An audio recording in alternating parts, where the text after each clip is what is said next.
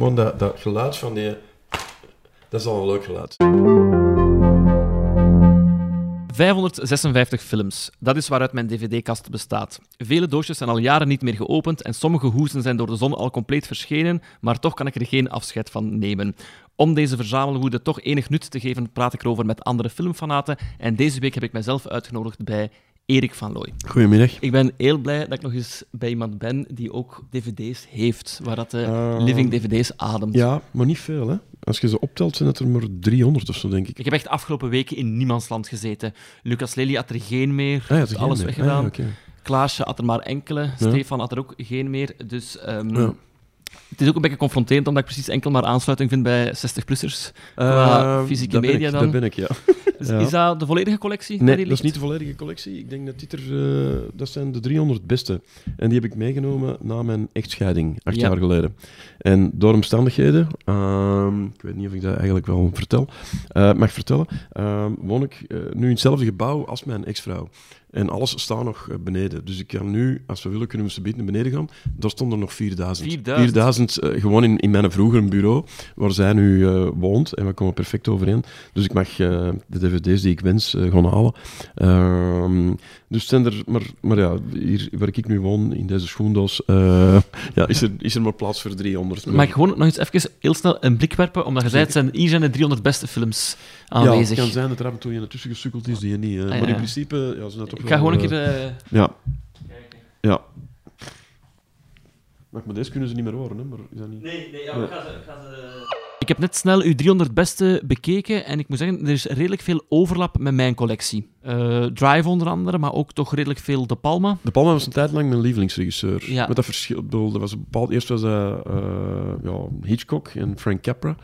En dan werd dat De Palma, omdat De Palma eigenlijk eh, ja, De nieuwe... de nieuwe Hitchcock Ja. werd. En, en toen echt een paar heel goede films heeft gemaakt. Van Dress to Kill tot Blowout, tot Casualties of War, Ik vind tot Blowout... Untouchables. eh, Ik, vind, dus ik heb zowel Blow-Up als Ja. Blowout. Eh, ik, vind de Blowout honderd keer beter dan de... ja, ja, dat vind ik persoonlijk ook. Al zal niet iedereen, zal Nee, nee, niet nee. iedereen van Sight of Sound het daarmee eens zijn. Maar, maar ja, dat vind ik zelf ook. En dan, ja, en dan is Tarantino geworden, denk ik. Ah ja. En ik denk dat nu, op dit moment, als je moet spreken over een lievelingsregisseur, Christopher Nolan is. Maar dat je met Nolan altijd hebt, eh, Inception, Interstellar, ja, eh, zelfs Tenet, wat dan eigenlijk een beetje niet, niet een helemaal gelukte film is, maar het is, ja, het is zo indrukwekkend en het Mhm. is zo slim en zo gelaagd. En het is, het is, het is een blockbuster, maar met verstand. ja. En dat zie je zo weinig. Dus je moet gewoon heel blij zijn dat iemand zoals hij ehm, ja, actief mag blijven met die budgetten.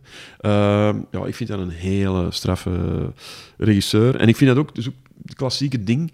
Hitchcock heeft 53 films eh, gemaakt. Ehm, is eh, volgens eender welk filmgeschiedenisboek een van de grootste ooit. Eh, heeft nooit een Oscar gewonnen. Nee. Christopher Nolan maakt een enige super blockbuster na de andere. Heeft nooit een Oscar gewonnen. Eh, en zal er misschien ook nooit ene winnen. En, en helemaal, eh, ja, ik vind dat zeer eh, onterecht. En dan spreken we nog niet over De Palma, die zelfs nooit genomineerd is geweest, denk ik. Ja, ik vind, dat, ik vind dat onrechtvaardig. Nu even nog terug naar, uw, naar uw collectie. Welke dvd's staan in dat kastje daar? Dat zijn mijn films. Ah ja, oké. Ja, ik heb er maar zes gemaakt, maar ik heb van elke film wel zes exemplaren. Oké. Voor het geval dat ik er een uitleen, want als je er een uitleen, krijg je die meestal Want niet terug. Shades krijg je niet... krijg- Nee, dat vind je niet meer. vind ik niet. Dat vind Ik heb nee. die ooit ene keer gezien, maar Ja. Canvas heeft die ooit een keer geprogrammeerd. Ja, Maar ik denk dat ik 13, 14 was. ja, Ik moet toegeven, ik heb die toen denk ik ooit illegaal wel op een dvd gebrand. ja. Dat, dat- maar die gaat bij een verhuis ja, geraakt. ja, en, ehm, Dat hou ik.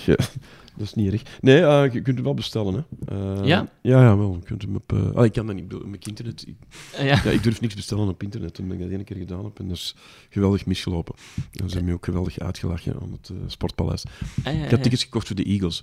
Maar op een site waarvan blijkbaar iedereen weet dat je daar geen Ah, tickets moet kopen. En de tickets waren niet geldig. Maar ze hebben me wel binnengelaten. Omdat ze medelijden met mij hadden. Maar dus sindsdien durf ik op het internet niks meer kopen. Ehm, maar blijkbaar kunnen shades daar wel kopen. En zelfs dat vonden, maar van het vonden heb ik ook maar één kopie, denk ik. eh. Ja, Ad Fundum zit in mijn collectie. Ik Ja. ga toegeven, ik heb die in de kringloopwinkel gekocht toen ik aan de podcast begon, omdat Ja. ik dacht, als ik u vraag... en Ah, ik ja, heb ja. niet Moet zin toch één u, film hebben. eh, ja. maar ik had hem vooraf al, al gezien. Ja, maar ik dus- zeg dat de loft, loft zat er niet in, eh, in uw Nee, collectie. eh. nee. Uh, Maar ik- van dezelfde werkgever, waar ja, allebei ja, waar. Dus ik blijf wachten totdat hij dat eindelijk een keer gaat geven. Dan Ah ja, het ja, ja, ja. Ja, dat kan. Hè. Ehm, Ehm, als je het niet via internet koopt, vraag ik me wel af, koopt je nog regelmatig Nee, dvd's? nee, praktisch is niet. Nee. Praktisch niet. Ja, eh, ja, je weet dat het, dat het, dat het op is, hè, dat, Mhm. het, dat het ooit zal eindigen en dat waarschijnlijk ook die eh, eh, ja, het toestel dat je nodig hebt om die dvd's te spelen niet meer zal bestaan of toch eh, moeilijk te krijgen zal zijn. Dus nee, ik koop er eigenlijk geen meer. Het is wel een achteruitgang, want je kunt wel zeggen, ja, je vindt alles op Netflix, op Amazon of weet ik wat. Ja, dat is niet, hè. Nee. Je gaat zoeken en je vindt vaak niet wat je zoekt. eh, Dat is, dus, dat is eigenlijk de eh, reden waarom ik opnieuw ben begonnen Ja, met kopen. Ja. Omdat in een drukke periode zet ik heel veel dingen op Netflix zo in die een eh, watchlist. Ja, Van, ik ga dat later eens bekijken. En als ik dan tijd heb, is de helft daar weg van. Ja, ik weet het. Eh, en en ja, dat geldt voor de andere streamingplatformen ook. Eh, nee, je vindt nooit niet altijd wat je zoekt. Maar je hebt ook al het einde van de VHS meegemaakt eigenlijk. Hè. Eh, Dus dan- Wel, ik had eh 6000 VHS'en die, die ik nog lang heb bijgehouden. Ja, ik heb werkelijk iedereen rondgebeld, van Sven de Ridder tot de kringloopwinkel, die niks met elkaar te maken hebben, maar die wel, waarvan je allebei denkt van, ja, daar zal ik wel toch terecht kunnen met mijn VHS-winkels. Iemand je zeker ook moet vragen voor deze ja, podcast, ja, de ik mag hem bellen. Ja, niemand wou die. Niemand wou die. Ook in de kringloopwinkel niet, of, of ergens anders. eh. dus ik ben die dan... Ik heb die allemaal in, in een auto eh, gegooid, in zakken. En ik ben die alle 6000 eh, persoonlijk in containerpark in zo'n container Ja. gaan smijten. Dus die container lag vol. Bedoel, dat was twee uur werk voor die er Ja. allemaal in te smijten. Want die Omdat je die ook alfabetisch er aan het insmijten inderdaad, waard. absoluut, ja. absoluut. Maar dat was, eh, ja, dat was pijnlijk om die daar te zien liggen. Ja, Want je komt eraan en naïef denkt nog van misschien zal er hier iemand zijn die zegt ja, geef ze maar aan mij. Want soms gebeurt dat in Ja, ja, ja, ja, containerparken. natuurlijk. maar dat was bij dit niet het geval. Dus die lagen daar alle 6000 eh, ja, eh, weg te krimpen. Eh, 6000 eh, maal 2, pak 12.000 uren. Puur filmplezier herleid tot, eh, ja, tot stort eigenlijk. Och, ja. pijnlijk. Ja, mijn dvd's gaan er sowieso ook ooit nog belanden, hè, maar ik denk niet dat ik het eh, zelf er ga kunnen opsmijten. Wat vond je trouwens van mijn collectie? Enige opmerkingen over de lijst? Nee, omdat uw collectie toch ook behoorlijk eclectisch is. Ik bedoel, er Ja. zit weinig rommel tussen. En, en, ehm, en waarbij ik ook voelt dat die, en dat vind ik altijd heel belangrijk, dat dat geen, ehm, ja, wat bedoel ik met eclectisch? Dat is geen eenduidige collectie. Dat is niet alles van Almodovar en alles van Wim Wenders en, alle, en, en Die Hard of Marathon Man, dat niet vinden. Eh, nee, dat is, dat is, eh, die films zitten erin. Maar je moet ook, allee, je, je kunt opstaan voor, eh, ja, voor Hollywood Entertainment. Ehm, ik ga meteen eens overlopen welke films jij gekozen hebt. 12 Angry Men, Ja. Die Hard en Marathon Man. Ja. Ja. Ik moet nu wel toegeven, tussen het sturen van mijn lijst en de opname vandaag zijn er, eh, zijn er 14 films bijgekomen. Dat is een donatie van een luisteraar. Eh, ja, hij beweert dat hij u kende. Ja. Luc Bosmans. Ja, die ken ik. Ja. heeft nog quizzen georganiseerd, in ik, Baasrode. Ja, die ik, eh, Ehm, eh, heel aimabele man. ja, zijn quizzen waren legendarisch in Baasrode. Heel vaak meegespeeld, heel vaak gewonnen. Ehm, soms ook verloren. En ehm, ja, het zal zonder twijfel een fantastische collectie zijn. Dus ik ben heel benieuwd naar die 14 extra werken. Maar ja, nu ga ik niet meer Nee, veranderen. nee, nee, nee, liefst niet. Maar ik ga ze wel even overlopen voor de volledigheid. Dus nieuw in de lijst zijn The Green Knight, Solo, A Star Wars Story, Judas and the Black Messiah, The Program, Hesher, Mary Shelley's Frankenstein, Interstellar en Kong Skull Island, Dark Waters, The Last Duel en ook nog alle Indiana Jones films. Mag ik iets zeggen, Jelle? Ja. Eh, je hebt die 14 cadeau gekregen van Luc Bosmans. Hè? Ja. Ik denk dat er me van sommigen wel vanaf wou. Ja, ja, ja. Ik vind de Green Knight echt werkelijk vreselijk. Ik heb hem nog niet gezien. Ja. man. Ja, die Green Knight, dat, vind ik- ja, die- dat, ik, ja, dat is dan een regisseur die een paar goede licht tegen het arthouse aanwegende films heeft gemaakt, waar niks mee mis is. Die waren goed, maar dit is echt, eh, slaat nergens op, vind ik. eh. Maar goed, Dus dat uw keuze niet aangepast. eh, nee. Vooraf waart je ook nog lang aan het twijfelen tussen vier films, want Apocalypse Now stond ook nog op uw shortlist, maar die is uiteindelijk dan toch afgevallen. Dat is uw schuld. Je bracht me dan die vier films en Apocalypse Now eh, merkte ik dat de Redux-versie Ja. was. Eh, de vier uur durende versie, die echt te lang is. Ja, Ik bedoel, die film was perfect op twee uur en een half. En al wat hem er heeft bijgestoken in die Redux-versie, ja, vond ik echt niet goed. Nee. En, en ik had geen zin om die vier uur... eh, dat snap ik, omdat ik had Ja. hem ook vooraf bekeken, omdat ik niet goed Ja. wist welke dat er ging afvallen. Ja. En ik, ik dacht ook van, dit gaat misschien een moeilijk gesprek worden, omdat ik de liefde niet voel voor die film, Ja. omdat het gewoon te lang duurt. Ja, en ik wil wel aannemen, er zitten shots in, dat ik denk van, als dat hoogtepunt is... die, die, die Ja. zijn. Hè, maar, En, en weten dat er ook nog heel weinig ehm, met de computer bij Ja, getekend is, of bijna niets, is dat gewoon fantastisch Dat dat dat, fantastisch, gedraaid is. Maar in tempo in film is het gewoon veel te lang. Maar hij heeft dat De dood gedaan met Ja. Het was oorspronkelijk al een trage film. En een film die, ja, die, die wel verhaal had. Namelijk ontleend aan Heart of Darkness van Mhm. Joseph Conrad. Maar, die, eh, maar ja, dat verhaal was ook niet essentieel. Het was niet dat dat toen al goed vooruit ging, die film. Eh, zeker vanaf het moment dat Marlon Brando erbij kwam met zijn eh, improvisaties, die vaak nergens naartoe gaan. Maar twee uur en een half was meer dan, dan, dan genoeg, maar, maar vond ik echt fenomenaal. Maar die, die bijna vier uur durende versie, ja, dat ben ik in de cinema gaan zien en dat was moeilijk om niet weg te Mhm. lopen. Omdat je denkt, ja, verminkt u een eigen film toch niet. Ik ben het soort regisseur, als hem de director's kit zou maken, die zou een half uur te korter duren. Ah, ja, ja, ja. ja. wat vreemd is, hè, want de meeste regisseurs willen zoveel mogelijk erin steken. Wel, het enige wat ik me afvroeg in uw repertoire was of dat de zaak Alzheimer. Ik herinner mij dat dat ook als tv-feuilleton eh, Ah, ja, ja, kwam, dus in drie delen. Dus ik vermoed dat dat misschien wel een andere cut was dan de cinemaversie. Of... Ja, dat was zeker een andere kut, ja. En van welke zijn daar aan het meest tevreden Eh, en van Loft is er ook zo'n tv-versie. Ah, ja. Ja, ja eh, sowieso van de filmversie. Ja. nee, het ding is, die films konden niet gemaakt worden op die manier zonder dat tv erin tussenkwam. Mhm. En de tv wilde wel tussenkwamen. In dit geval, ja, ik weet al niet meer, Loft was, eh, ik denk dat alles bij de VRT was. Ehm, die wilde wel tussenkomen voor drie tv-avonden, maar niet voor één film, Ja. dat maar één avond is. Dus die, ja, er moest een tv-versie van komen. Dus uiteraard, als regisseur, je wilt die film zo graag maken dat je denkt, geen probleem, tv-versie komt er. Is de tv-versie beter? Nee, zeker niet. Er waren ook een paar scènes die ik minder geslaagd vond en die probeerden dan uit te halen of in te korten. Maar die hadden daar dan terug nodig. Ehm, ja, het was gewoon een financiële noodzakelijkheid. Ja. Maar allee, ik kan er niet zeggen dat we de VRT om de tuin hebben geleid of zo. Ik denk dat die ook wel drie gezonde film- eh, of tv-avonden hebben gehad door die film. Ik heb wel warme herinneringen aan de zaak Alzheimer, want ik heb die gezien als, als 13-jarige en ik was toen wel onder de indruk, omdat die... ehm, en dat zeg ik niet omdat je tegenover mij zit, Nee, nee. maar die slagen er wel in om op Vlaams niveau de souplesse te hebben van, Van- van een entertainende eh, Hollywood-film. ja. En ehm, Ja, Dat- ik ben het ermee eens. Ja. dat biedt eh, perspectief of hoop of zo. Ah, om, eh, Nee, nee, ik denk eh, wel, dat wordt vaak gezegd. Enfin, intussen wordt het minder vaak gezegd, omdat natuurlijk alles evolueert. En die film is ook al twintig jaar oud. Maar het werd wel vaak gezegd door, door, eh, ja, door filmstudenten ook, dat, dat, dat ze die film zagen en dan beseften van, we kunnen ook dat doen. ja. Wat er ervoor in België bijna onmogelijk was, was genrefilms. mhm. Dat werd eigenlijk bijna niet gemaakt. Eh, er was bijvoorbeeld één politiefilm gemaakt ervoor, Zaman. Zaman, ja. Dat is de enige pure politiefilm die er bij een beetje gemaakt is. Ehm, en dat was dan nog heel erg... eh, ik vond dat een hele goede film, Zaman. Maar dat was heel Vlaams. Eh, Ja. En plots met Zaak Alzheimer zag je dat je ook ja, Hollywoodiaanse films kon maken. Maar wel met, met een scherp randje en, en met nog heel veel, ja, denk ik, van, ja, van, ja, van hoe de maatschappij hier eh, werkt. Dus het is niet dat je zomaar een kopie hebt gemaakt, denk Nee, ik. nee, nee, Eh, zeker niet. dat hebben we misschien wel iets meer gedaan met de premier. Wat Mhm. echt wel een pure uh, Hollywood-film is. Eh, misschien, ja, ik kwam terug van Hollywood en ik dacht, ja, ik zal niet meer in Hollywood werken. Of ik wil er ook niet meer werken, omdat ik het hier eh, in België veel te plezant vind. En dan met wel zoiets van, maar ik wil wel die, dat soort film maken. Ik wil Ja. een soort film maken, een thriller, waar, eh, ja, eh, waar je de president van Amerika belaagt. Dat wil ik wel maken. Als dat niet kan in Hollywood, dan brengen we Hollywood naar hier. Ja, ja, ja. En, daar, ja, en, en daarom, Ja, misschien ben ik er daar wel iets te ver in gegaan. Ik volg wel dat die wel het meest Hollywood aanvoelde. Mag ik één verhaal vertellen over John Woo?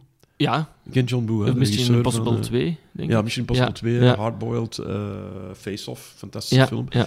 Ja, toen we Alzheimer maakten, ja, was iedereen daar een geweldige fan van. Dat was echt, eh, dat was echt de grote meneer, Hongkong-regisseur, die ook in Hollywood een doorbraker was.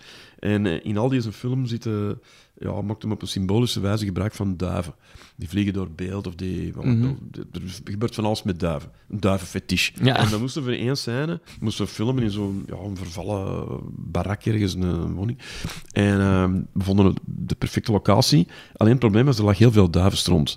En, eh, en er vlogen ook duiven rond. Ja. En die man van decor zei, ja, we kunnen deze locatie gebruiken. Ik zie ook wel dat het prachtig is. Alleen we gaan heel veel werk hebben. We gaan twee dagen moeten ja, die een duivenstront eh, weghalen. Want dat, dat is bijna ongezond van eerst te werken. En die duiven gaan we ook allemaal moeten weghalen. Ik zeg, weet je, kunnen we die duiven niet houden? Stel nu dat die film ooit in Hollywood geraakt en John Woo ziet die, die gaat dat toch fantastisch vinden, dat die Ja, duiven erin ja. zitten. En iedereen lachen, maar dat is natuurlijk als semi-grap. Want je denkt, ja, je bent een Vlaamse film aan het maken. Wat zou die in Hollywood Mhm. belanden? Nu, nu, ja, nu gebeurt dat regelmatig met Lucas Dont en, en Adil en Bilal en Felix van Groeningen en Garoskamp. Toen was dat niet. Toen, Nee. was, eh, toen was dat... Enkel Daans was- was... ooit daar geweest, denk ik. Ja, geweest wel, maar, maar ook niet... eh, Nee. Ja, nee, dans wel, dat klopt, dans. En, en, eh, maar dus ik zei... eh laat ons met de duiven gewoon, laat ons dat gewoon houden. En eh, ja, iedereen lachen. Maar inderdaad, we hebben het dan gehouden. We hebben die duiven ook geïntegreerd in die scène. Er wordt een duif neergeschoten door Geert van Rampelberg. En ik dacht, ja, dat is een mooie hommage. En dan, ja, die film komt uit, gaat op première op het Festival van Gent. Eh, Jean Moreau zat toen in de zaal. Die vond dat ongelooflijk. Die vond Jan de Cler ongelooflijk. Ging dat overal vertellen. Dus die film werd onmiddellijk opgepikt in Frankrijk daardoor. En daardoor ook in Amerika. En die, ja, die belandde in Amerika. En werkelijk elke producent in Amerika heeft die film op zijn, eh, eh, op zijn bureau gehad. En, en ik werd dan ook uitgenodigd. Ik had plotseling al een agent en zo. En, en het leek erop dat ik een carrière ging hebben. En ik moest dan zo van, "Ja, hier een bezoek komen. En op een dag kom ik op bezoek. Ja, vandaag uh, stonden er, ja, ik zeg maar niet, vijf bezoeken. En een van de bezoekers is dan Terence Chang. Dat is de vaste producent van John Woo. Van, Woo, ja. Uh, dus ik kom er op bezoek en ik vertel over Alzheimer en welke projecten dat ik graag zou doen. En ik zeg, ja, en ook zo face-off, uh, ik ben een grote fan van John Woo. Hij zegt, uh, did you ever meet John? Uh, dan spraken zo, ik zeg, no, ja, yeah, he's right uh, next door, because they werkten samen. Ah, ja. you want to meet him? Ik zeg, ja, en ik was zo van, David was echt van die. Enfin, ik word meegeleid naar John Woo, één kamer verder. En John Woo, uh, ik, en hij zegt zo van, ja, yeah, this is the, the director of uh, The Memory of a Killer, of uh, de zaak Alzheimer. Oh, en die was zo heel, maar die sprak niet zo goed Engels. Oh, great movie, great movie. And by the way, I like the pigeons. dat is zalig. Ja. ja, een van de mooiste momenten uit mijn carrière. Ja, ja. ja. het is niks Ah, geworden. Uh, het is niks geworden, maar, maar ja, dromen mag. Dat is, de, dat is het, uh, ja, wat je van dit verhaal uh, mocht onthouden. Oké, okay, goed. Uh, heb je voorkeur om te beginnen met Nee, maakt niet uit. Uh, nee. Laat ons dan misschien met de, met de oudste beginnen. 12 ja. Angry Men. 1957. Watch them and pray, for someday you may become one of them. Twelve men with the smell of violent death in their nostrils. What's the matter with you guys? You're letting them slip through our fingers. Slip through our fingers? Are you his executioner? Dus 12 Angry Men, een film uit 1957, geregisseerd door Sidney Lumet. Lumet, Lumet, Lumet ja. ja. Met speelduur van 96 minuten. In de hoofdrollen Henry Fonda, Lee J. Cobb en Ed Begley. En de achterkant van de DVD, hoe ze omschrijft de film als volgt. Elf juryleden zijn ervan overtuigd dat de verdachte schuldig is aan moord. Ja. De twaalfde twijfelde niet aan zijn onschuld. Jij wil dat al even inbreken? Of? Nee, nee. nee Oké. Okay. Nee. Hoe kan deze enkeling de andere naar dezelfde conclusie leiden? Het is een Ja. zaak van schijnbaar overweldigend bewijs tegen een tiener die wordt beschuldigd van moord op zijn vader in een van de beste films ooit gemaakt. Ja. Dat laatste is meteen een statement op de DVD. Ga je daarmee akkoord? Ja, daar ga ik mee akkoord. Ja. Ja. Dat staat in de top 10, denk ik, van, uh, van, van, van niet, niet zozeer lievelingsfilms, maar van ja, de beste films ooit. Ja. Ik vind dat echt uh, 9.0 op IMDb. Oké, okay, en IMDb-quotering moet je niet altijd volgen, want als dat Marvel is, scoort hij veel meer dan het zou moeten scoren. Maar, maar een oude film die daar 9.0 haalt, uh, zwart-wit film bovendien, dat is echt niet evident. En het is Dus dat is ook de reden waarom je het gekozen. Omdat een van de favorieten... ja, ik, een- ja, ik denk dat ik vooral die drie titels ook heb gekozen, omdat ik ze nog eens wou terugzien. Ah, ja, ja, omdat ik wist van, ja, ik moet ze terugzien. eh, en misschien kan ik... eh, ik wist ook dat dat drie titels waren die mijn zoon nog niet gezien had. Ja. Eh, dus ik had ook de illustere hoop van hem eh, hier te krijgen, met zijn lief, eh, om die drie films te komen kijken. Dat is met één film gelukt, Oké. wat al een heel prestatie is. Eh, omdat, Met eh, eh, 12 Angry Men of... wel, het is gelukt met Ah, 12 ja, Angry. Men. En hoe oud is hij? Gewoon om te weten. Hij is 23. Oké, ja. Hij is 23, eh, leidt zijn eigen, eigen leven, uiteraard, Ja. eh, maar goed ook. Maar... ehm, Ik vraag het omdat ik, ik denk dat bij mijn eerste kijkbeurt, ik denk dat ik 15 of 16 was. Ah, dat ja, was echt oké. zo het moment dat ik... Ik had zo die een boek van 1001 films Ja. dat je moet gezien hebben. En dat was zo mijn deep dive in de klassiekers. Ja. En ik weet dat ik hem toen ook al heel goed vond, maar je bent natuurlijk dan zo op, op, een, op een high van ik zie een klassieker, ik moet Ja, die ja, instant ja, goed ja. vinden. Dus ik, ik was ook heel blij dat ik hem nog eens opnieuw Hij eh, blijft, kon hij bekijken. blijft magistraal, vind ik. Ja. Eh, en, en ik vind het ook streffend. Allee, ik laat hem mijn zoon er hier komen met zijn lief eh, om de film te zien uit 1957, zwart-wit. Deze kennen die geen zwart-wit, hè? Nee, nee, nee. Bedoel, wij kennen hem, ik bedoel, die- zwart-wit, ja, we kennen dat. Waarom, waarom Mijn bompa zei van, ja, dat weet ik niet wat dingen. Dat ik zei, van, ja, het is een zwart-wit film, dat snap ik niet, jongen. Ze hebben kleur uitgevonden, waarom is ze dan nog zwart-wit? Ja, ja, ja. Maar bedoel, hier was dus wel, ja, de kleur was nog niet uitgevonden. Nee, sorry, was wel uitgevonden, maar eh, ehm, ja, wat is er geweldig aan die film? Ehm, Ja, ik, Ja, vind, dat- ik vind heel veel. Ik vind Ja, inderdaad, gelijk dat gezegd, de Tante Thijs heeft het heel goed doorstaan. ja, Dat echt niet klopt, evident is. Ik vind de, goe- de dialogen vind ik ook nog altijd heel, heel goed. goed. En het heeft eigenlijk nog altijd een actuele waarde. Het is, het is een soort van eh, eh, Facebook-comment of HLN-comments Klopt. sectie heeft Ja, het ook nog altijd. En ik vind iedereen heel goed spelen. Misschien op de dingen na. De man met de cowboyhoed. Ik denk dat dat dan goed was dat er eh, dat dat- zwart-wit was. Dat- Die is zo wat excentrieke jurylid. Ja, Martin Balsam. Maar dat is geen cowboyhoed. Nee, wat is dat dat is dan? een gewone hoed. Ah, ja, ja, ja. Nee, dat is geen... eh, Ja. nee, in geen die tijd waren er ook nog gewone hoeden natuurlijk, ja. Ja, absoluut. Dat dat hij het was. Maar ehm, eh, ja, het is gewoon het is een ongelooflijk eh, aangrijpende film. Waarbij... ehm, ja, het heeft ook iets religieus. Die man draagt een wit pak, hè, Henry Mhm. Fonda. Ik bedoel, Het gaat echt over elf mensen die ervan overtuigd zijn. Het is heel warm en ze moeten ja, iemand veroordelen tot de doodstraf. En ze gaan er allemaal heel licht over. Ehm, je ziet wel even die een beklaagde. Ze hebben daar geen eh, zwarte meneer van gemaakt, maar je voelt wel dat het, dat het in die richting gaat. Dat het iemand is die, niet, die een beetje uitheems is. Ehm, dus dat is al een ding dat ze meenemen. Ehm, en eigenlijk willen ze alle elf ja, zo snel mogelijk naar huis. Dan is het voor iedereen duidelijk. Alleen ze er veel te licht over. En, en dan komt er iemand, zeer humaan, die plots tegen hen ingaat. Ze moeten met twaalf, ze moeten allemaal Ja. akkoord zijn voordat die man kan eh, veroordeeld worden. En die man die begint geleidelijk aan iedereen te overtuigen, terwijl men in het begin zelfs niet eens overtuigd is van zijn eigen gelijk, eh, maar van, gewoon vanuit humane overwegingen van Ja. kun je iemand tot de beoordelen, zo- veroordelen zonder dat je... eh, ja, zonder dat je echt zeker bent. Mhm. En een mensenleven dat voor die ander dan minder waard is, ja, is natuurlijk heel veel waard. En hij verdedigt dat. En ehm, ja, draagt niet toevallig een wit kostuum. Dat is ongelooflijk hoe dat eh, Ja. eh, in dat zwart-wit dan heel goed werkt. En dat ding, dat die, ja, die, die stikt er ook bovenuit. Het is een soort Christusfiguur die, die ook, ook ongelooflijk... Ja, het is ook de enige filmster in die cast, Henry Ja. Fonda, die ook de producent was. Maar dat is een ongelooflijk knappe man. Die springt daaruit, ook qua belichting. En je voelt dat dat een soort, ja, niet Christus, maar een soort messiasfiguur is, die menselijkheid wil brengen in die ander. En, dat, eh, ja, en, dan, en, dan, en dan... Hij was inderdaad een van de bezielers van de film. Hè. Ja, Eh, want ja. het is oorspronkelijk, en dat staat op YouTube, een tv-film Ja, geweest. klopt, ja. Een tv-live-film Ja, blijkbaar klopt. Geweest. ja. Maar ik weet niet of het, of het gedraaid is. Het is wel geschreven als een Het is tv ge- live. op YouTube, Ja, serieus? De live eh Ah, bestaat ook. ja, Ja. Maar het, is, eh, ja, het speelt zich volledig af in die, in die, eh, in die ruimte waar die twaalf juryleden samenkomen. Bijna in real time eigenlijk. En eh, ja, het is een ongelooflijk... Mijn, mijn zoon studeert toegepaste psychologie. Dus ik had hem ook gelokt met te zeggen dat je echt interessant Ja. zijn voor je vak. En dat is... Want je ziet ongelooflijk hoe dat die eh, groepsdynamiek werkt en hoe, hoe mensen andere mensen proberen te overtuigen. En zo goed zitten ook in een hoop verrassingen in en plot twists. En het is eh, ja, geweldig in beeld gebracht door Cindy Lumet, die, die nadien, zeker in de jaren 70, een van de belangrijkste regisseurs was Ja. die er waren. Dog Day Afternoon is nog een film die in mijn top 10 aller tijden staat. Network is ook een klassieker. Ja, Hij heeft heel veel klassiekers gemaakt en, en allemaal, ja, allemaal films die, die tegelijk heel entertaining waren, maar ook heel veel vertelden over de menselijke psyche en over New York. Want de meeste films zich ook zijn films in New York afspeelden.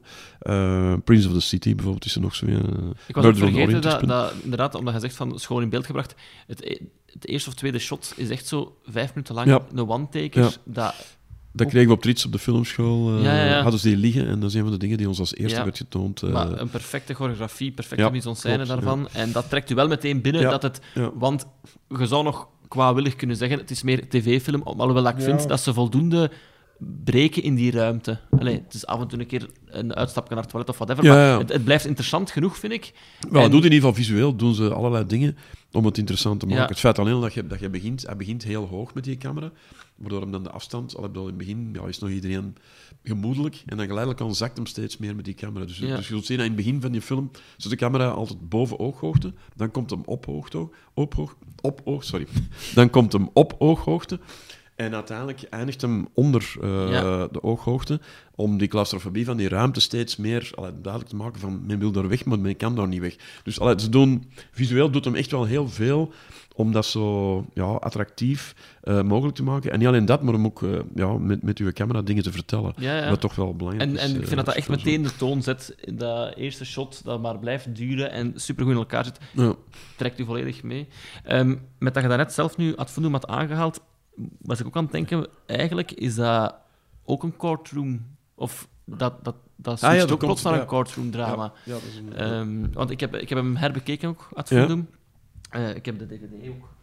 Het is zo de Vlaamse filmcollectie. Ja. En ik moet zeggen, en ik- dat is niet omdat je nu voor mij zit, ik Ja. heb oprecht nog eh, genoten van Ja. Want ik heb... ehm, daar ben ik blij om, maar... eh, bij, ik heb ook Boys herbekeken van Jan Verheijen. En dat vond ik echt gedateerd. Ik heb hem dat ook in zijn gezicht durven zeggen, dus daarmee dat ik ja, ja, maar dat zal hem zelf wel mee kunnen leven ook, denk ik. Eh, ja, ehm, hij bevestigt dat. En ik vind dat eh, het, het, uw openingsshot daar met de camionet en, ja, en, ja. en de, eh, het brommerke en Ja. de verhuiswagen en zo. Vind ik heel goed. Misschien dat de aanloop naar de trampolinescène lang duurt. eh, lang duurt. Maar ik vind nog altijd die trampolinescène ja, ja die is, die is heel goed gecoupeerd ja. en heel, ik heb veel hulp gehad van... eh, heel goed gedaan. Veel hulp. Ja, ik vind dat ook, maar, maar wel... bedoel, dat is eigenlijk niet het soort film dat je als debutant maakt. Omdat dat echt wel... Ja, die doopscènes en zo, dat was echt niet om te lachen. Dus ik heb heel veel waren hulp gehad. toen, eh, eh? 31. Ja. Maar wel niet heel. Ik had twee kortfilms gemaakt en, Ja, en, ja. eh, en voor de rest werkte ik voor première, voor Europje. Eh, dus ik zag veel films, maar ik had echt nog niet veel op mijn set gestaan. Dus het was wel, eh, het was wel leren. En, en Willy Stassen was de cameraman eh, die, eh, ja, die heel veel geholpen had. Ehm. en, de, en wie er ook was, was een zekere Hugo van Baren. En dat was een man die altijd voor Paul Verhoeven eh, machinist is geweest. Dus die bediende altijd een filmkarretje voor Paul Ja, Verhoeven. ja. Eh, had er al die Hollandse films mee gemaakt. Was een beetje gefrustreerd omdat Paul Verhoeven hem niet mee naar Hollywood had genomen. Waardoor hem dan op de set van het Fundum belandde. En ja, heel vriendelijke man. En ja, ik was natuurlijk blij omdat ik een geweldige fan was van Paul Verhoeven. Dat was een voorbeeld. Eh, Basic Instinct was toen net uitgekomen. En ik weet nog goed... ja, ik heb veel geleerd van die, van die gast, omdat hij echt wel zei, ja, je zou ook dit kunnen doen, je zou ook dat kunnen doen. Maar tegelijk ja, was hem zeer intimiderend, Ja. omdat je stond dan op die set en je zegt zoiets uitleggen, ja, jij komt vandaar en de camera gaat dan vandaar naar daar. En dan, zal, en dan zei hij nog zo, nou, dat zou Paul nooit doen. Ja, ja, dus best wel intimiderend ook, eh, als jonge knaap. Ik vind Maar- dingen ook altijd intimiderend. Zo vechtcoaches, omdat die... Meestal haalt je die op je set Ja. om gewoon een, een banaal ding er goed laten uit te zien. Ja.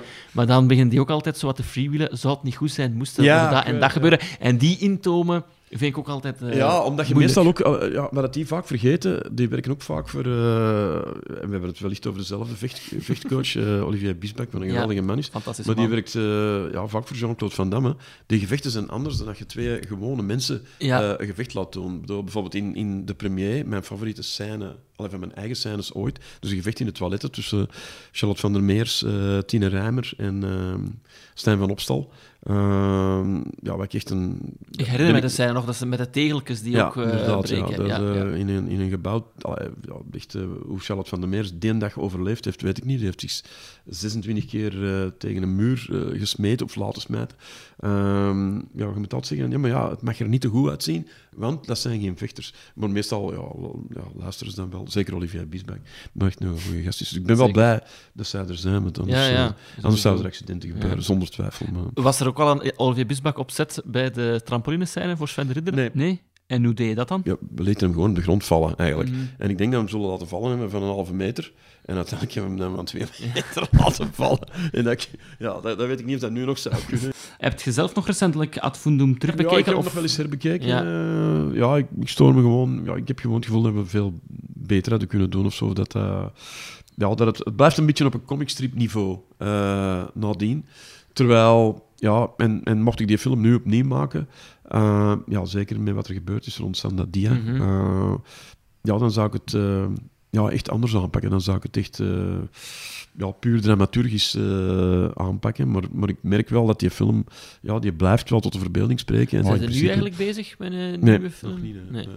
Eh, enerzijds, ja, ik ben een man van, ja, van de lat altijd hoger willen leggen. Mhm. En dat is niet zo eenvoudig. Eh, Ja. Ook qua bezoekcijfers en dingen. Ik bedoel, je hebt, eh, Loft is altijd de best scorende film ooit. Eh, dus dat is één ding van, ja, eh, de- ja, hoe moet ik daar nog over? Of moet ik nog... Ik probeer altijd met de, met de volgende film straffer te zijn dan de vorige. Ja. Ik zeg niet dat het altijd gelukt is, maar ik heb het wel altijd geprobeerd. Dat is reden één. Reden twee is dat ik eigenlijk niet graag als regisseur op een filmset sta. Ja. Ik doe dat echt niet graag. Ik vind dat... Ik stond veel liever te presenteren of indien mogelijk te acteren, maar ik ben, ik ben nog weinig gevraagd tot nu toe. Ik heb Boys gesolliciteerd heb ik voor... gezien. Ja, maar dat was niet goed. Ja, Maar ik dat is onlangs dat het Dat is bekeken. jammer. Maar Ja. het, het grappige aan die Ja. scène vind ik, Ja. toen der tijd was dat gewoon een shot op Tom van Lande uit Hmm. en jij staat in de achtergrond, maar nu, zoveel Ja. jaar later, is dat een volwaardig two-shot tussen Ja. jullie twee en, Ja, en ik het, jij bent heel slecht, ehm, heel slecht. statistisch aan het lachen omdat er iemand eh Ik weet het, maar... eh, ja. slagen krijgt. het was, niet, eh, het was een vreemde vorm van method acting. Maar het, het grappige is dat ik bij, bij Jelle de Beulen gesolliciteerd heb voor Nonkels. Ah, is waar? Ja, Oké, omdat ja. ik heel graag zou meespelen in Nonkels. Het probleem is wel ja, een, groot, een grote rol in plaats van een kleine rol. En dan iets... eh, Nee, nee ik, ben, ik voel me echt wel klaar om te acteren, maar... eh, En er zijn ook aanbiedingen gekomen, maar ja, ik denk dan vaak van... Ja, nee, ik wacht, ik wacht op een betere aanbieding. Maar, ehm, en ik denk iets in het... eh, Ja, het goede van Onkels is dat dat zowel serieus is als geestig. En dat ik denk dat ik dat wel zou aan kunnen. Dus ik heb nu bij Jelle gesolliciteerd en bij u. Meer Ja. kan ik niet doen. Hè. Nee, Ja, nee, nee, Nu kijk- het, eh, dit is al qua broek laten afzakken al, al veel. Oké, eh, goed. Ik stel voor dat we dan eh, naar film 2 gaan, voordat je nog meer eh, je broek laat afzakken. It's Christmas Eve in L.A. California. Is Daddy coming home soon? Well, we'll see what Santa and Mommy can do, okay? And New York cop John McLean has come to see his wife. I missed you. Instead, he's going to have to save her. Bruce Willis. Die Hard. Die Hard, een film van John McTiernan uit 1988 met een runtime van 2 uur en 12 minuten. De regisseur McTiernan was trouwens een half jaar terug in Brussel voor een lezing en ik had daar tickets voor, maar ik ben niet kunnen gaan. Dus dat had heel interessant geweest. Ja. Eh, maar eh, sorry, het gaat geen goede anekdotes Nee, opleveren. nee, dat is jammer. Ja. Ehm, met in de hoofdrollen Bruce Willis, Alan Rickman en Bonnie Bedelia. Bedelia, Bedelia, ja. De achterkant van de DVD, Hoes omschrijft de film als volgt. Misschien dat jij het kunt... Eh, nee, ik kan het niet lezen. Nee. Het is te donker hier. Maar, eh, ja. Ik kan alleen Jelle Gordijn lezen. De eigenaar, dat was- eigenaar van het... eh, Dat was toen ja. rond mijn 18 heb ik ze nog gelabeld. Ja, ja, dat is goed. Ja, maar daar me ik ook weer mee gestopt. Omdat het uitlenen van dvd's, ik doe dat eigenlijk niet graag. Nee, nee, ik heb dat dat nu bij u gedaan. dat snap ik, ja. Ik heb dat ook bij Lucas Lely gedaan. Ja. Ik wacht al vier weken op Colette. ja, ik ben heel betrouwbaar wat dat betreft. Ja, ja. Ik ga het kort lezen. Bruce Willis speelt John McClane, een detectieve uit New York die net in Los Angeles is aangekomen om de kerstdagen met zijn ex-vrouw door te brengen. Maar terwijl McClane wacht tot het kerstfeestje op het kantoor van zijn vrouw is afgelopen, bezetten terroristen het gebouw. Wanneer terroristenleider Hans Gruber en zijn meedogenloze handlanger de gijzelaars bijeendrijven, glipt McClane ongezien weg. Op blote voeten. Ja. Yes. Waarom heb je deze film gekozen? Ja, geweldige, geweldige actiefilm. Eh, Mhm. Ik heb die eh, gezien ja, in 1988 toen hem uitkwam op het festival van Deauville. Waar ik mijn, ja, mijn ex-vrouw komt wel heel vaak voor in deze podcast. Eh, nee, mijn ex-vrouw had ik uitgenodigd eh, om mee naar Deauville te komen. En we hebben daar eh, elkaar beter leren kennen. Ehm, wat toch wel belangrijk was in mijn leven. Ik ben 26 jaar met haar geweest. En dat waren veelal heel gelukkige jaren. En dat was eh, denk ik de tweede of een derde film die we samen zagen. En ehm, het feit dat ze daarvoor open stond, voor eh volbloed actie, en dat heel goed vond, ja, heeft veel betekend voor mij. Dus die film, ja, ik heb die in ideale omstandigheden gezien. Ik Ja, was ja, enorm ja. verliefd. Ik was zo verliefd dat ik dacht, er is niks dat mij nu uit die liefde gaat kunnen wegrukken. En toch zag ik die film en gedurende twee uur en vijf minuten zat hij in een andere wereld. Eh, wat in dat geval niet nodig was, want wereld waar ik in zat was heel mooi. Maar soms is die wereld ook niet zo mooi. En dan is het gewoon heel fijn van een cinema te kunnen gaan en twee uur om de realiteit te ontsnappen. Ja. Dat heb ik ook met een voetbalmatch op 2K. Dat, dat escapisme is gewoon heel belangrijk. En dit is, eh, ja, dit is een film die qua escapisme... Ja, de, die is zo goed, dat zuigt u zo mee. En dat is zo spannend. Ehm, ja, dat dat bijna van het niveau van Jaws is of zo. Van, van films die u echt, echt eh, van begin tot einde in spanning houden. Want Dus het, dus zeer- het herbekeken is ook goed meegevallen. ja, ja, ja. eigenlijk wel. Ja, eigenlijk wel. Ja, het is natuurlijk anders dat je dat op een scherm van 30, eh, meter, eh, 30 vierkante meter ziet. is anders dan dat je dat hier op je tv ziet. Dus heel Ja. veel geestige momenten in die film. Veelal geïmproviseerd, hoor ik. Omdat dat, dat scenario blijkbaar niet helemaal klaar was. Ja, er zitten gewoon heel veel geestige momenten in. Die, die ook uh, yippie ki motherfucker en zo. Dat, dat heeft zich intussen tot bij de 50 beste lines aller tijden. Terwijl het niet zo echt veel voorstelt. Ik, het is, ik moet eh, toegeven, ja. dat, ik heb de film altijd zelf heel hoog ingeschat. Dat was zo de film dat ik eh, heel tof vond. En ik heb hem nu teruggezien. Ja. En ik was wel geschrokken hoe, hoe traag dat de film eigenlijk op Ja, gang kwam. ja. En dat komt omdat ik recentelijk Commando heb gezien. Ah. Van Lester uit Ja. 1985. Dus dat, dat ging sneller, Schwarzenegger, dat is 90 minuten. Dat is schieten, dat is ook heel grappig. Dat is veel minder... ehm, dat is, dat is eigenlijk bijna een parodie op de actiefilm of zo. Ja. En dat vond ik heel grappig, heel dwaas. En hier was het dan wel... Allee, hij neemt zich serieuzer dan dat ik... Ja, ja, hij neemt zich serieus. Dacht, Zeker, of zeker in mijn- zo, in mijn herinnering- Nee, het, is, het, is best wel, het duurt best wel lang voor het op gang Ja. komt. Maar dat, ja, dat, en dat kan nu ook niet meer. Nu, nu begint het allemaal snel. Maar het blijft toch wel... Ja, het is indrukwekkende actiescènes in. Die Bruce Willis is heel, heel goed. Hij heeft 5 miljoen dollar gekregen voor die film. Ja. Dat was op dat moment een record. Ah, zit- ja, dat is het record op dat Want ik moment. had, ik had onlangs, ik, ik denk dat dat op zo'n Netflix-documentaire was, eh, gelezen dat ze lang niet goed wisten Ja? van eh, gaat dat scoren of niet. En dat er dus eerst een affiche was met een toren alleen. Omdat ze Ah, dachten, serieus, met hè? Bruce Willis Ja, eh, op dat ja, fiche kan, want hij zat op dat gaat dat niet marcheren. in En- Moonlighting, hè. Maar, ja, eh, en dan na twee weken marcheerden en dan Ja. is de poster gekomen met zijn gezicht. Ja, ik, ik las dat, dat, hem, ja, dat hem op dat moment Oké. een recordbedrag had gekregen. Ja. Maar, eh, ehm, ja, en natuurlijk, wat er ook is, Alan Rickman als die een Hans Gruber.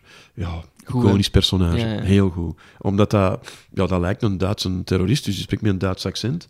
Eh enfin, hij spreekt Engels met een Duits accent. En dan is er een moment in die film, een magistrale scène, waarin hem geconfronteerd wordt met Bruce Willis. En Bruce Willis die hem eigenlijk niet herkent. Want Bruce Ja, Willis ja. heeft alleen nog maar met hem gesproken op een telefoon, maar hij weet niet of hij eruit ziet. Dus dan komt dan Bruce Willis tegen.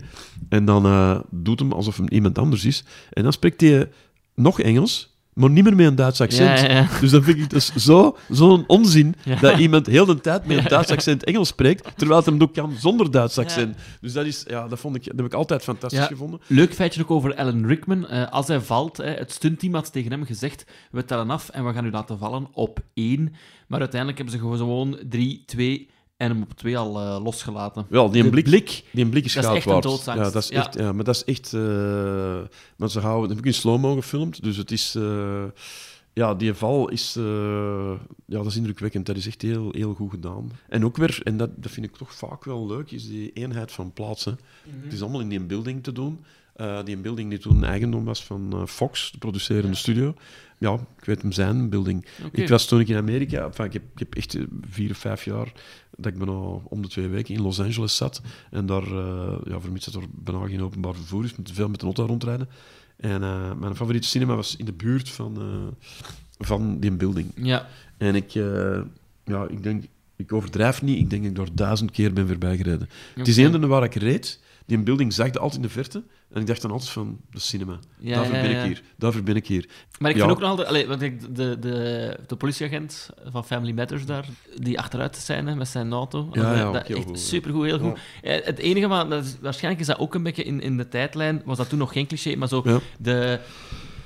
oh, ik ben de naam kwijt, die dat ook in de Breakfast Club de Dean speelt. Zo de, Ah, die, ja. de feds ja, die ja. overnemen. Zo. Ja, die, neemt, die, gaat er wat over zo. hè. die dynamiek, Ja, dat denk ik van... Ik weet oh, niet meer wie dat, eh, wie dat was. maar, eh, eh, dat ging me nu een beetje tegen. En het allereinde, maar dat was ik compleet vergeten, is nu Hans of Karel die nog een keer...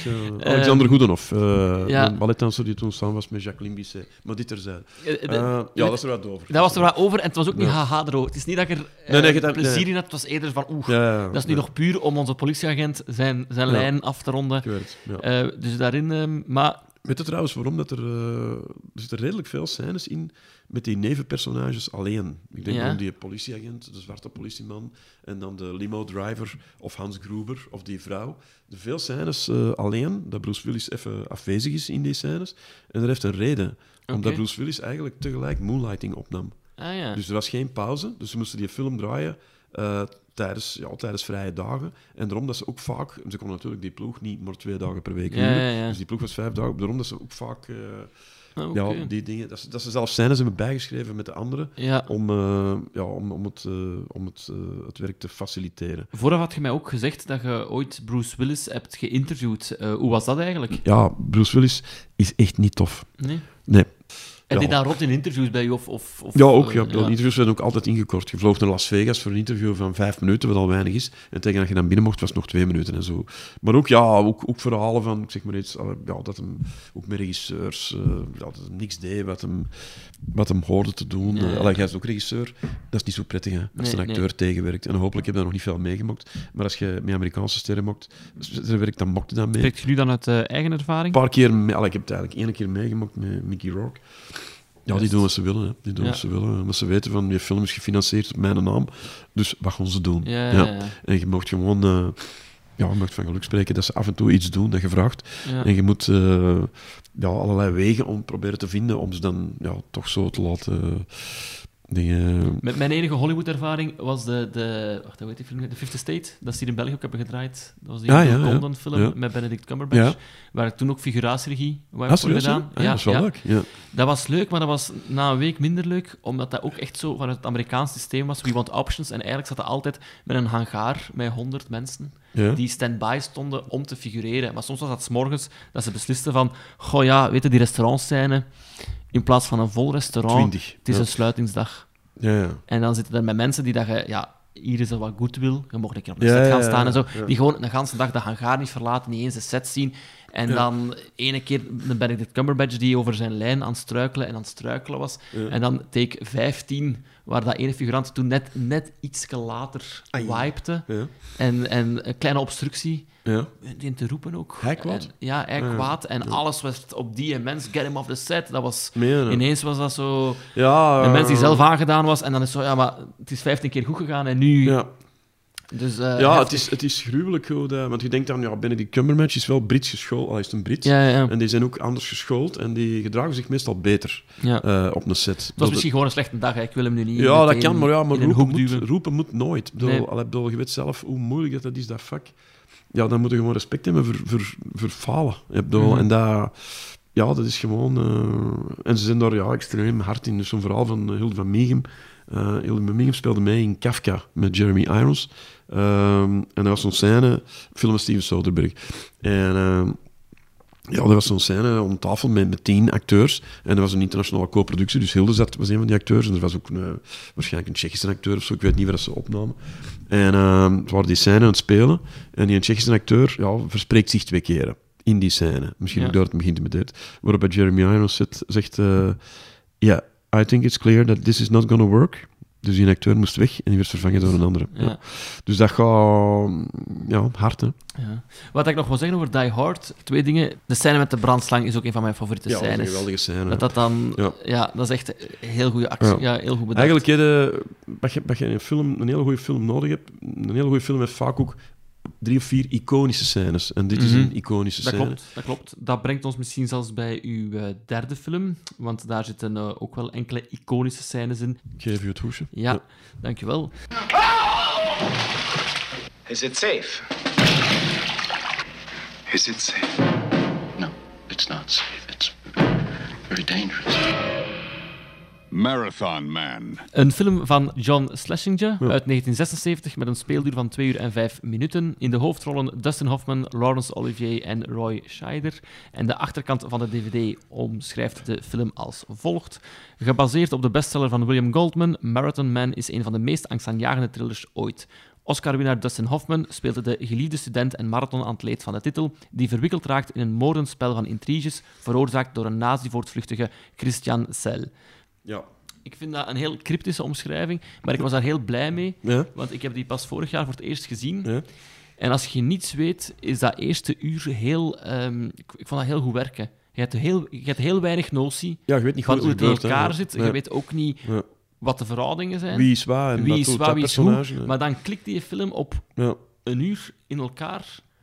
En dan gaat het ook vrij snel. En dan gaat het vrij snel. dan- Wat dat ik wel ehm, een verdienste vond en, en lef. Of, ik kan me niet een ander type soort film herinneren die u zo in het ongewisse zo lang Ja, dat kan. Ja, zo, zo heb ik het nog niet bekeken, maar dat is zeker zo. Want in het begin, ja, Roy Scheider is een zeer inter- interessant personage. En Dustin Hoffman ook. En dat blijken dan broers te zijn. Pas na een half uur Ja. heb je dat door. En dan weet er altijd niet van wie doet wat en wie stond aan welke kant.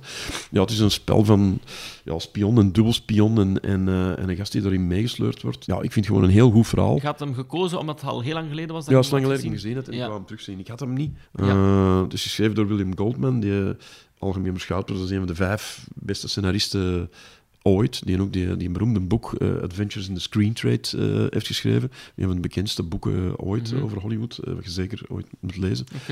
Wat die film ook heeft, allee, behalve het feit dat hem spannend is en soms geestig en dat hem briljant gespeeld is door Dustin Hoffman en Laurence Olivier, waarover straks meer, Ja. over, over de manier van acteren. Ehm, maar die bevat ook drie of vier eh, ja, iconische scènes. Dus de iconische scènes. in. Ik denk dan on, on, eh, ja, uiteraard de scène waarin Laurence Olivier Dustin Hoffman komt folteren. Mhm. Maar niet met de klassieke dingen, maar gewoon Laurence Olivier speelt eigenlijk een tandarts eh, die in, in concentratiekampen actief is geweest en die daar technieken heeft geleerd, eh van die weet wat hem met tanden van mensen moet doen om die erger te straffen Ja, ja. dan met waterboarding of met eh, elektronica op hun testikel te zetten of zo. Niet dat ik het allemaal persoonlijk Ja, weet, hè, maar bedoel, het is een hallucinant spannende, allee, gruwelijke scène, terwijl het gewoon iemand is die ja, in, uw, in uw tand zit te boren en op zoek Mhm. gaat de zenuw die dan pijn doet. En ook maar Eh, één zin blijft zeggen. En ene zin blijft zeggen. ja. Dat heb, ik, ja, daar ja. heb ik een hommage aan gebracht in de zaak Alzheimer. Is waar? Het moment dat... eh, omdat je echt ongelooflijk vindt. En want eigenlijk is het in principe... Hij moet iets te weten komen van Dustin Hoffman. Dus je zou denken, hij stelt die vraag en hij stelt die vraag. En hij vertelt waarom het hem dat wilt weten. En hij zegt dat en ik ben die en jij zit zo en dat dingen. Dus je verwacht dat er een lange monoloog komt. Alleen, hij gebruikt maar één zin. Is it safe? Is it safe, en dat ja. zegt hij maar ongeveer twintig keren. En een andere ja, weet ook niet wat met me omgaan. En ja, het is gewoon fantastisch van zo'n heel scène, die in principe vier bladzijden dialoog zou moeten zijn, maar die te herleiden tot ene zin. En waar is dat dan? De zaak in Zaak Alzheimer Alzheimer? is dat het moment dat Dustin Hoffman binnenvalt bij Lucas van den Einde thuis. Tussen Hoffman bij Lucas van Ah, der sorry, Heijden, Dustin. Hoffman niet. Dat eh, eh, Jan de Cler binnenvalt Ja. bij Dustin Hoffman thuis. En waarbij ook zo in principe... Jan de Cler bij Lucas van den Einde. Meen je nu echt? Ja. Ja, sorry. Eh, Jan de Cler en Lucas valt binnen bij Lucas van den Einde. Moet van alles te weten komen. Maar in plaats van dat je heel veel ehm, ja, hoe noemt dat, ja, uitleg nodig hebt. eh, eh, er bestaat een ander woord voor, maar ik vind het even niet. Ehm, Exposé, nee. eh, ja, inderdaad, ja, exposé. ja. Dat je heel veel exposé gebruikt. laat hem ook gewoon... Ik weet niet meer wat hem exact zijn, maar het is iets van... waar is het? Waar is het of zo weet. Maar het is Ja, iets ja, anders. ja. Maar het is, het is ook één zinnetje. Dus dat was compleet gepikt van eh, Marathon Man. Nu, ik wil wel zeggen, ehm, je leest inderdaad overal dat dat gezien wordt als een iconische scène, maar voor mij was die eigenlijk onbekend. Allee, veel klassiekers ken ik al via een parodie in The Simpsons, Ja. maar Marathon Man is bij mij weten daar nooit gepasseerd. En ook in andere popcultuur ben ik die film of die scène niet per se tegengekomen. Dus ik denk wel dat dat een beetje bewijst dat dit een vergeten film eh, is. Eh, is het safe toch wel bij de 100 strafste lines ja, ooit? maar ik denk dat hij er langzaamaan gaat uitgeduwd worden. Als daar nu nog eens een, een- Ja, dan, moeten we, dan is het goed dat ik hem eh terug Ja. heb. Hè, want Ik denk niet dat iemand die film per se gaat Nee. kennen. Ik denk dan van Nee. de regisseur dat Midnight Cowboy Ja. langer zal overeind blijven en dan Ja. deze. Ja, ja, dat is waar. Dat is waar. Dit, is, dit was ook zo'n eerste thriller. Het is ook een Joodse... John Schlesinger was een Joodse Mhm. meneer. Het gaat ook over Joden en nazi's. Ja. En, en, Want ik denk zelfs dat dat ook al sumier verteld eigenlijk is. Zo de, Ja. de, om maar te zeggen, de tattoo van de, mm, Ja, klopt. eh, eh, van, Van de, de- van de strafkampen, eh, dat wordt ja. niet uitgehoefd. Nee, nee, nee. Eigenlijk, als je hier de geschiedenis niet goed kent van Wereldoorlog 2, Ja, dan, dan, dan gaat er nee, heel veel het over ook, het ook, hij, hij, hij- de, de vader van het hoofdpersonage heeft zelfmoord gepleegd naar aanleiding van het McCarthyisme. Er moet ook al veel... Dus Mhm. de, die, de senator McCarthy in de jaren 50, die heel veel mensen een beroepsverbod bezorgde vanwege zogenaamde vermeende of niet vermeende communistische sympathieën. Ja, dat moet ook al weten. Dat is ook al lang geleden. Dus je moet inderdaad je geschiedenis wel een beetje kennen om hier voluit in, eh, in mee te kunnen gaan. En wel, het McCarthyisme was voor mij ook onbekend, maar ja, dat is misschien ook van, van te weinig op te letten in de geschiedenisles eh, vroeger. Ehm je sprak daarnet over meerdere iconische scènes, dus wat is voor u nog zo'n eh, nog zo'n scène? die grootste scène vind ik dat hem, zijnde als ex, ja, als ex-grote nazi, dat hem in de Joodse buurt in, eh in 42nd Street op New York, dat hem daar in de diamantbuurt zijn diamanten moet gaan verkopen. In Ja, principe ja. deed zijn broer dat. In het begin van de film sterft die een broer.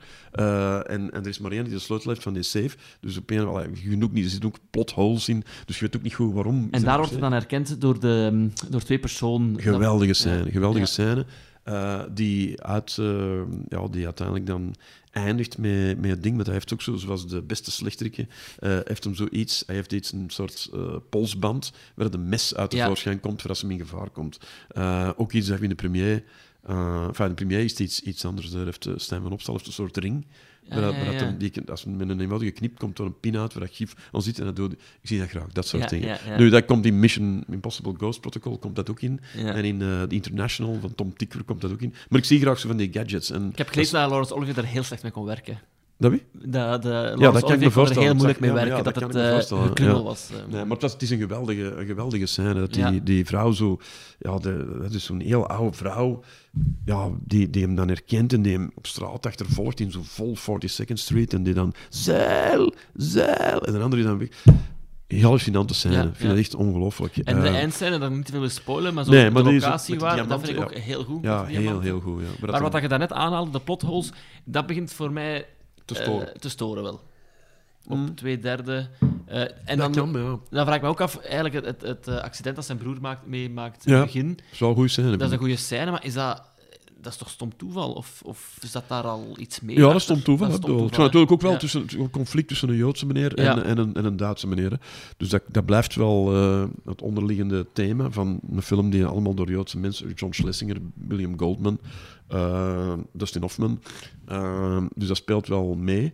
Eh, ja, het zou, het zou kunnen Opera-scène dat ook heel goed, sorry. De opera-scène vind ik ook heel goed. Ja, die is ook heel goed. Ja, klopt. Heel strak in timing Ja. daar. En... Ja. Nee, je voelt wel, dat is, dat is ah, John Schlesinger, ja, die heeft eh, niet alleen Midnight Cowboy gemaakt, maar een hele hoop andere goede films. eh, Oscar-waardige films, vaak Oscar-winnende films ook. Ehm, en hier maakt hem dan een thriller. Ja, onmiddellijk wordt die een thriller wel meer dan een thriller. Door. En dat, dat heb je wel, ook door alle zijpaden die hem neemt. En ehm, ja, ik vind toch een zeer...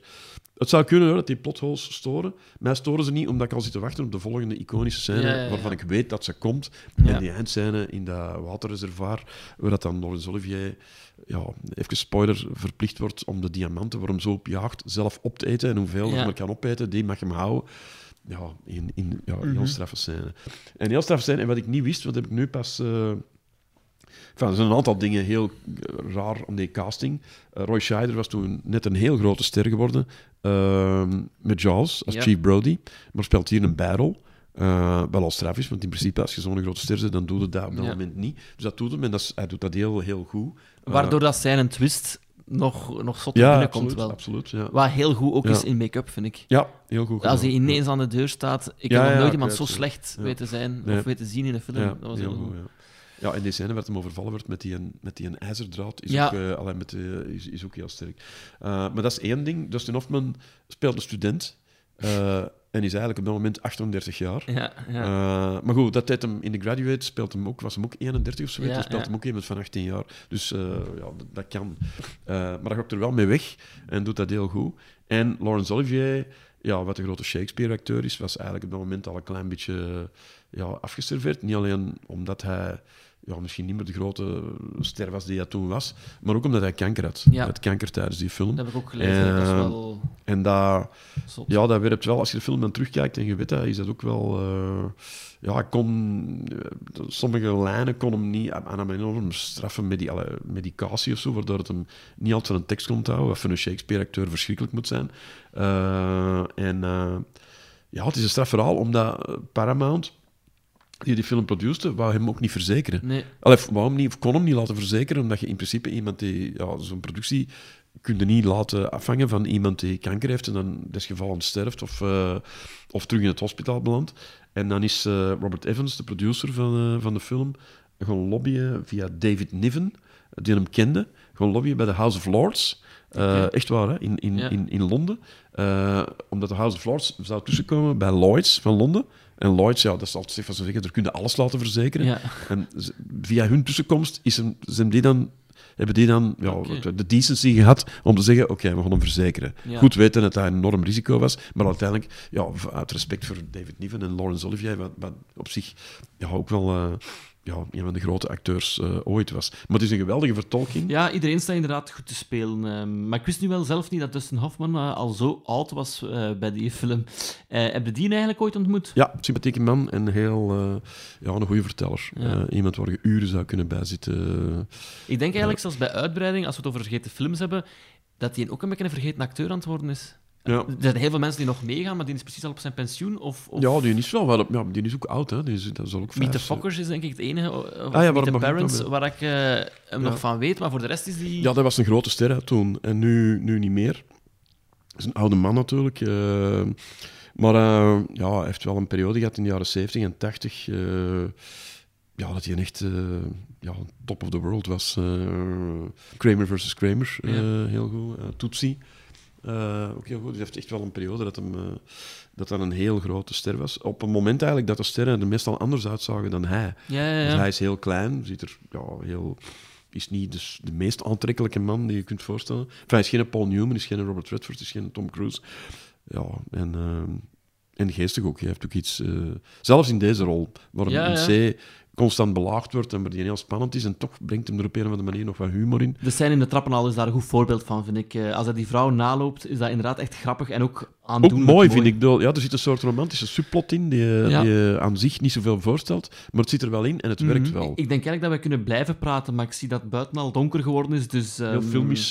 ja, ja, filmisch. We begonnen bij daglicht en we eindigen bij La Nuit Américaine. Ja, perfect, perfect. Ik vond het heel fijn dat je tijd wil vrijmaken. Zonder dat. Ehm, het was heel Er zijn interessant. eigenlijk maar twee dingen die ik echt heel graag doe in mijn leven. Dat is over film praten en over voetbal praten. Is er ooit al een goede voetbalfilm verschenen? Eh, wel, er is een film, eh, Fimpen, van, Bo, van Bo Wiederberg, een Zweedse film, Ja. eind, ja, begin jaren 70, eind jaren 60.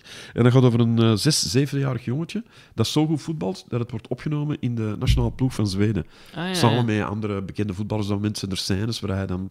Ralf Edström was bijvoorbeeld iemand die verstandaar speelde toen. En dat is een hele knappe voetbalfilm met een ja, sociale thematiek. Eh Kes van Ken Loach, in essentie ook over voetbal. Ken Loach is een geweldige voetbalfan.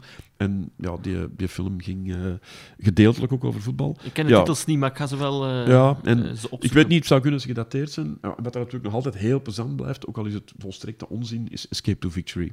Oké, Omdat er zijn nazi's, eh, er is humor, er is Pele, er is Paul van Imst, Paul van Imst, er is. Sylvester Stallone in de goal. Sylvester Stallone nog nooit geen bal gepakt in zijn leven, dus de manier waarop hij duikt. Ja, het is, het is echt... John Huston is regisseur, heeft nog nooit...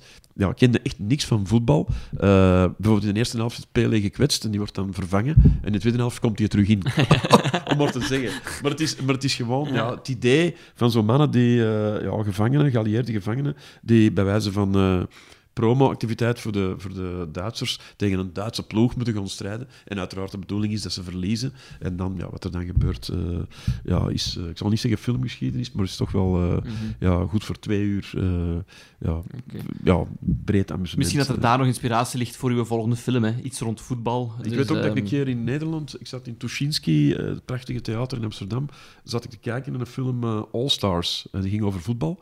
En ik dacht, fuck man, dat is, zo, dat is zo leuk, die film. Dat moeten we gewoon in Vlaanderen herdraaien. Ehm, en ik, eh, ja, ik kwam thuis en ik belde met, met Hilde de Laar, de producer.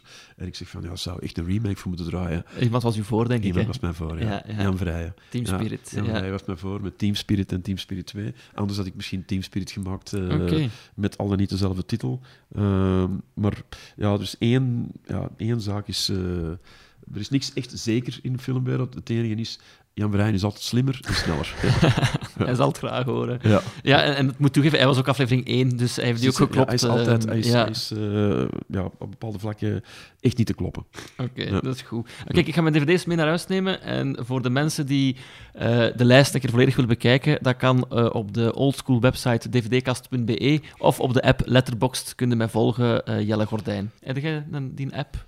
Locht, uh, mocht je eh, films van... maar ik intussen weet ik wel wat een app is. Ah ja, oké.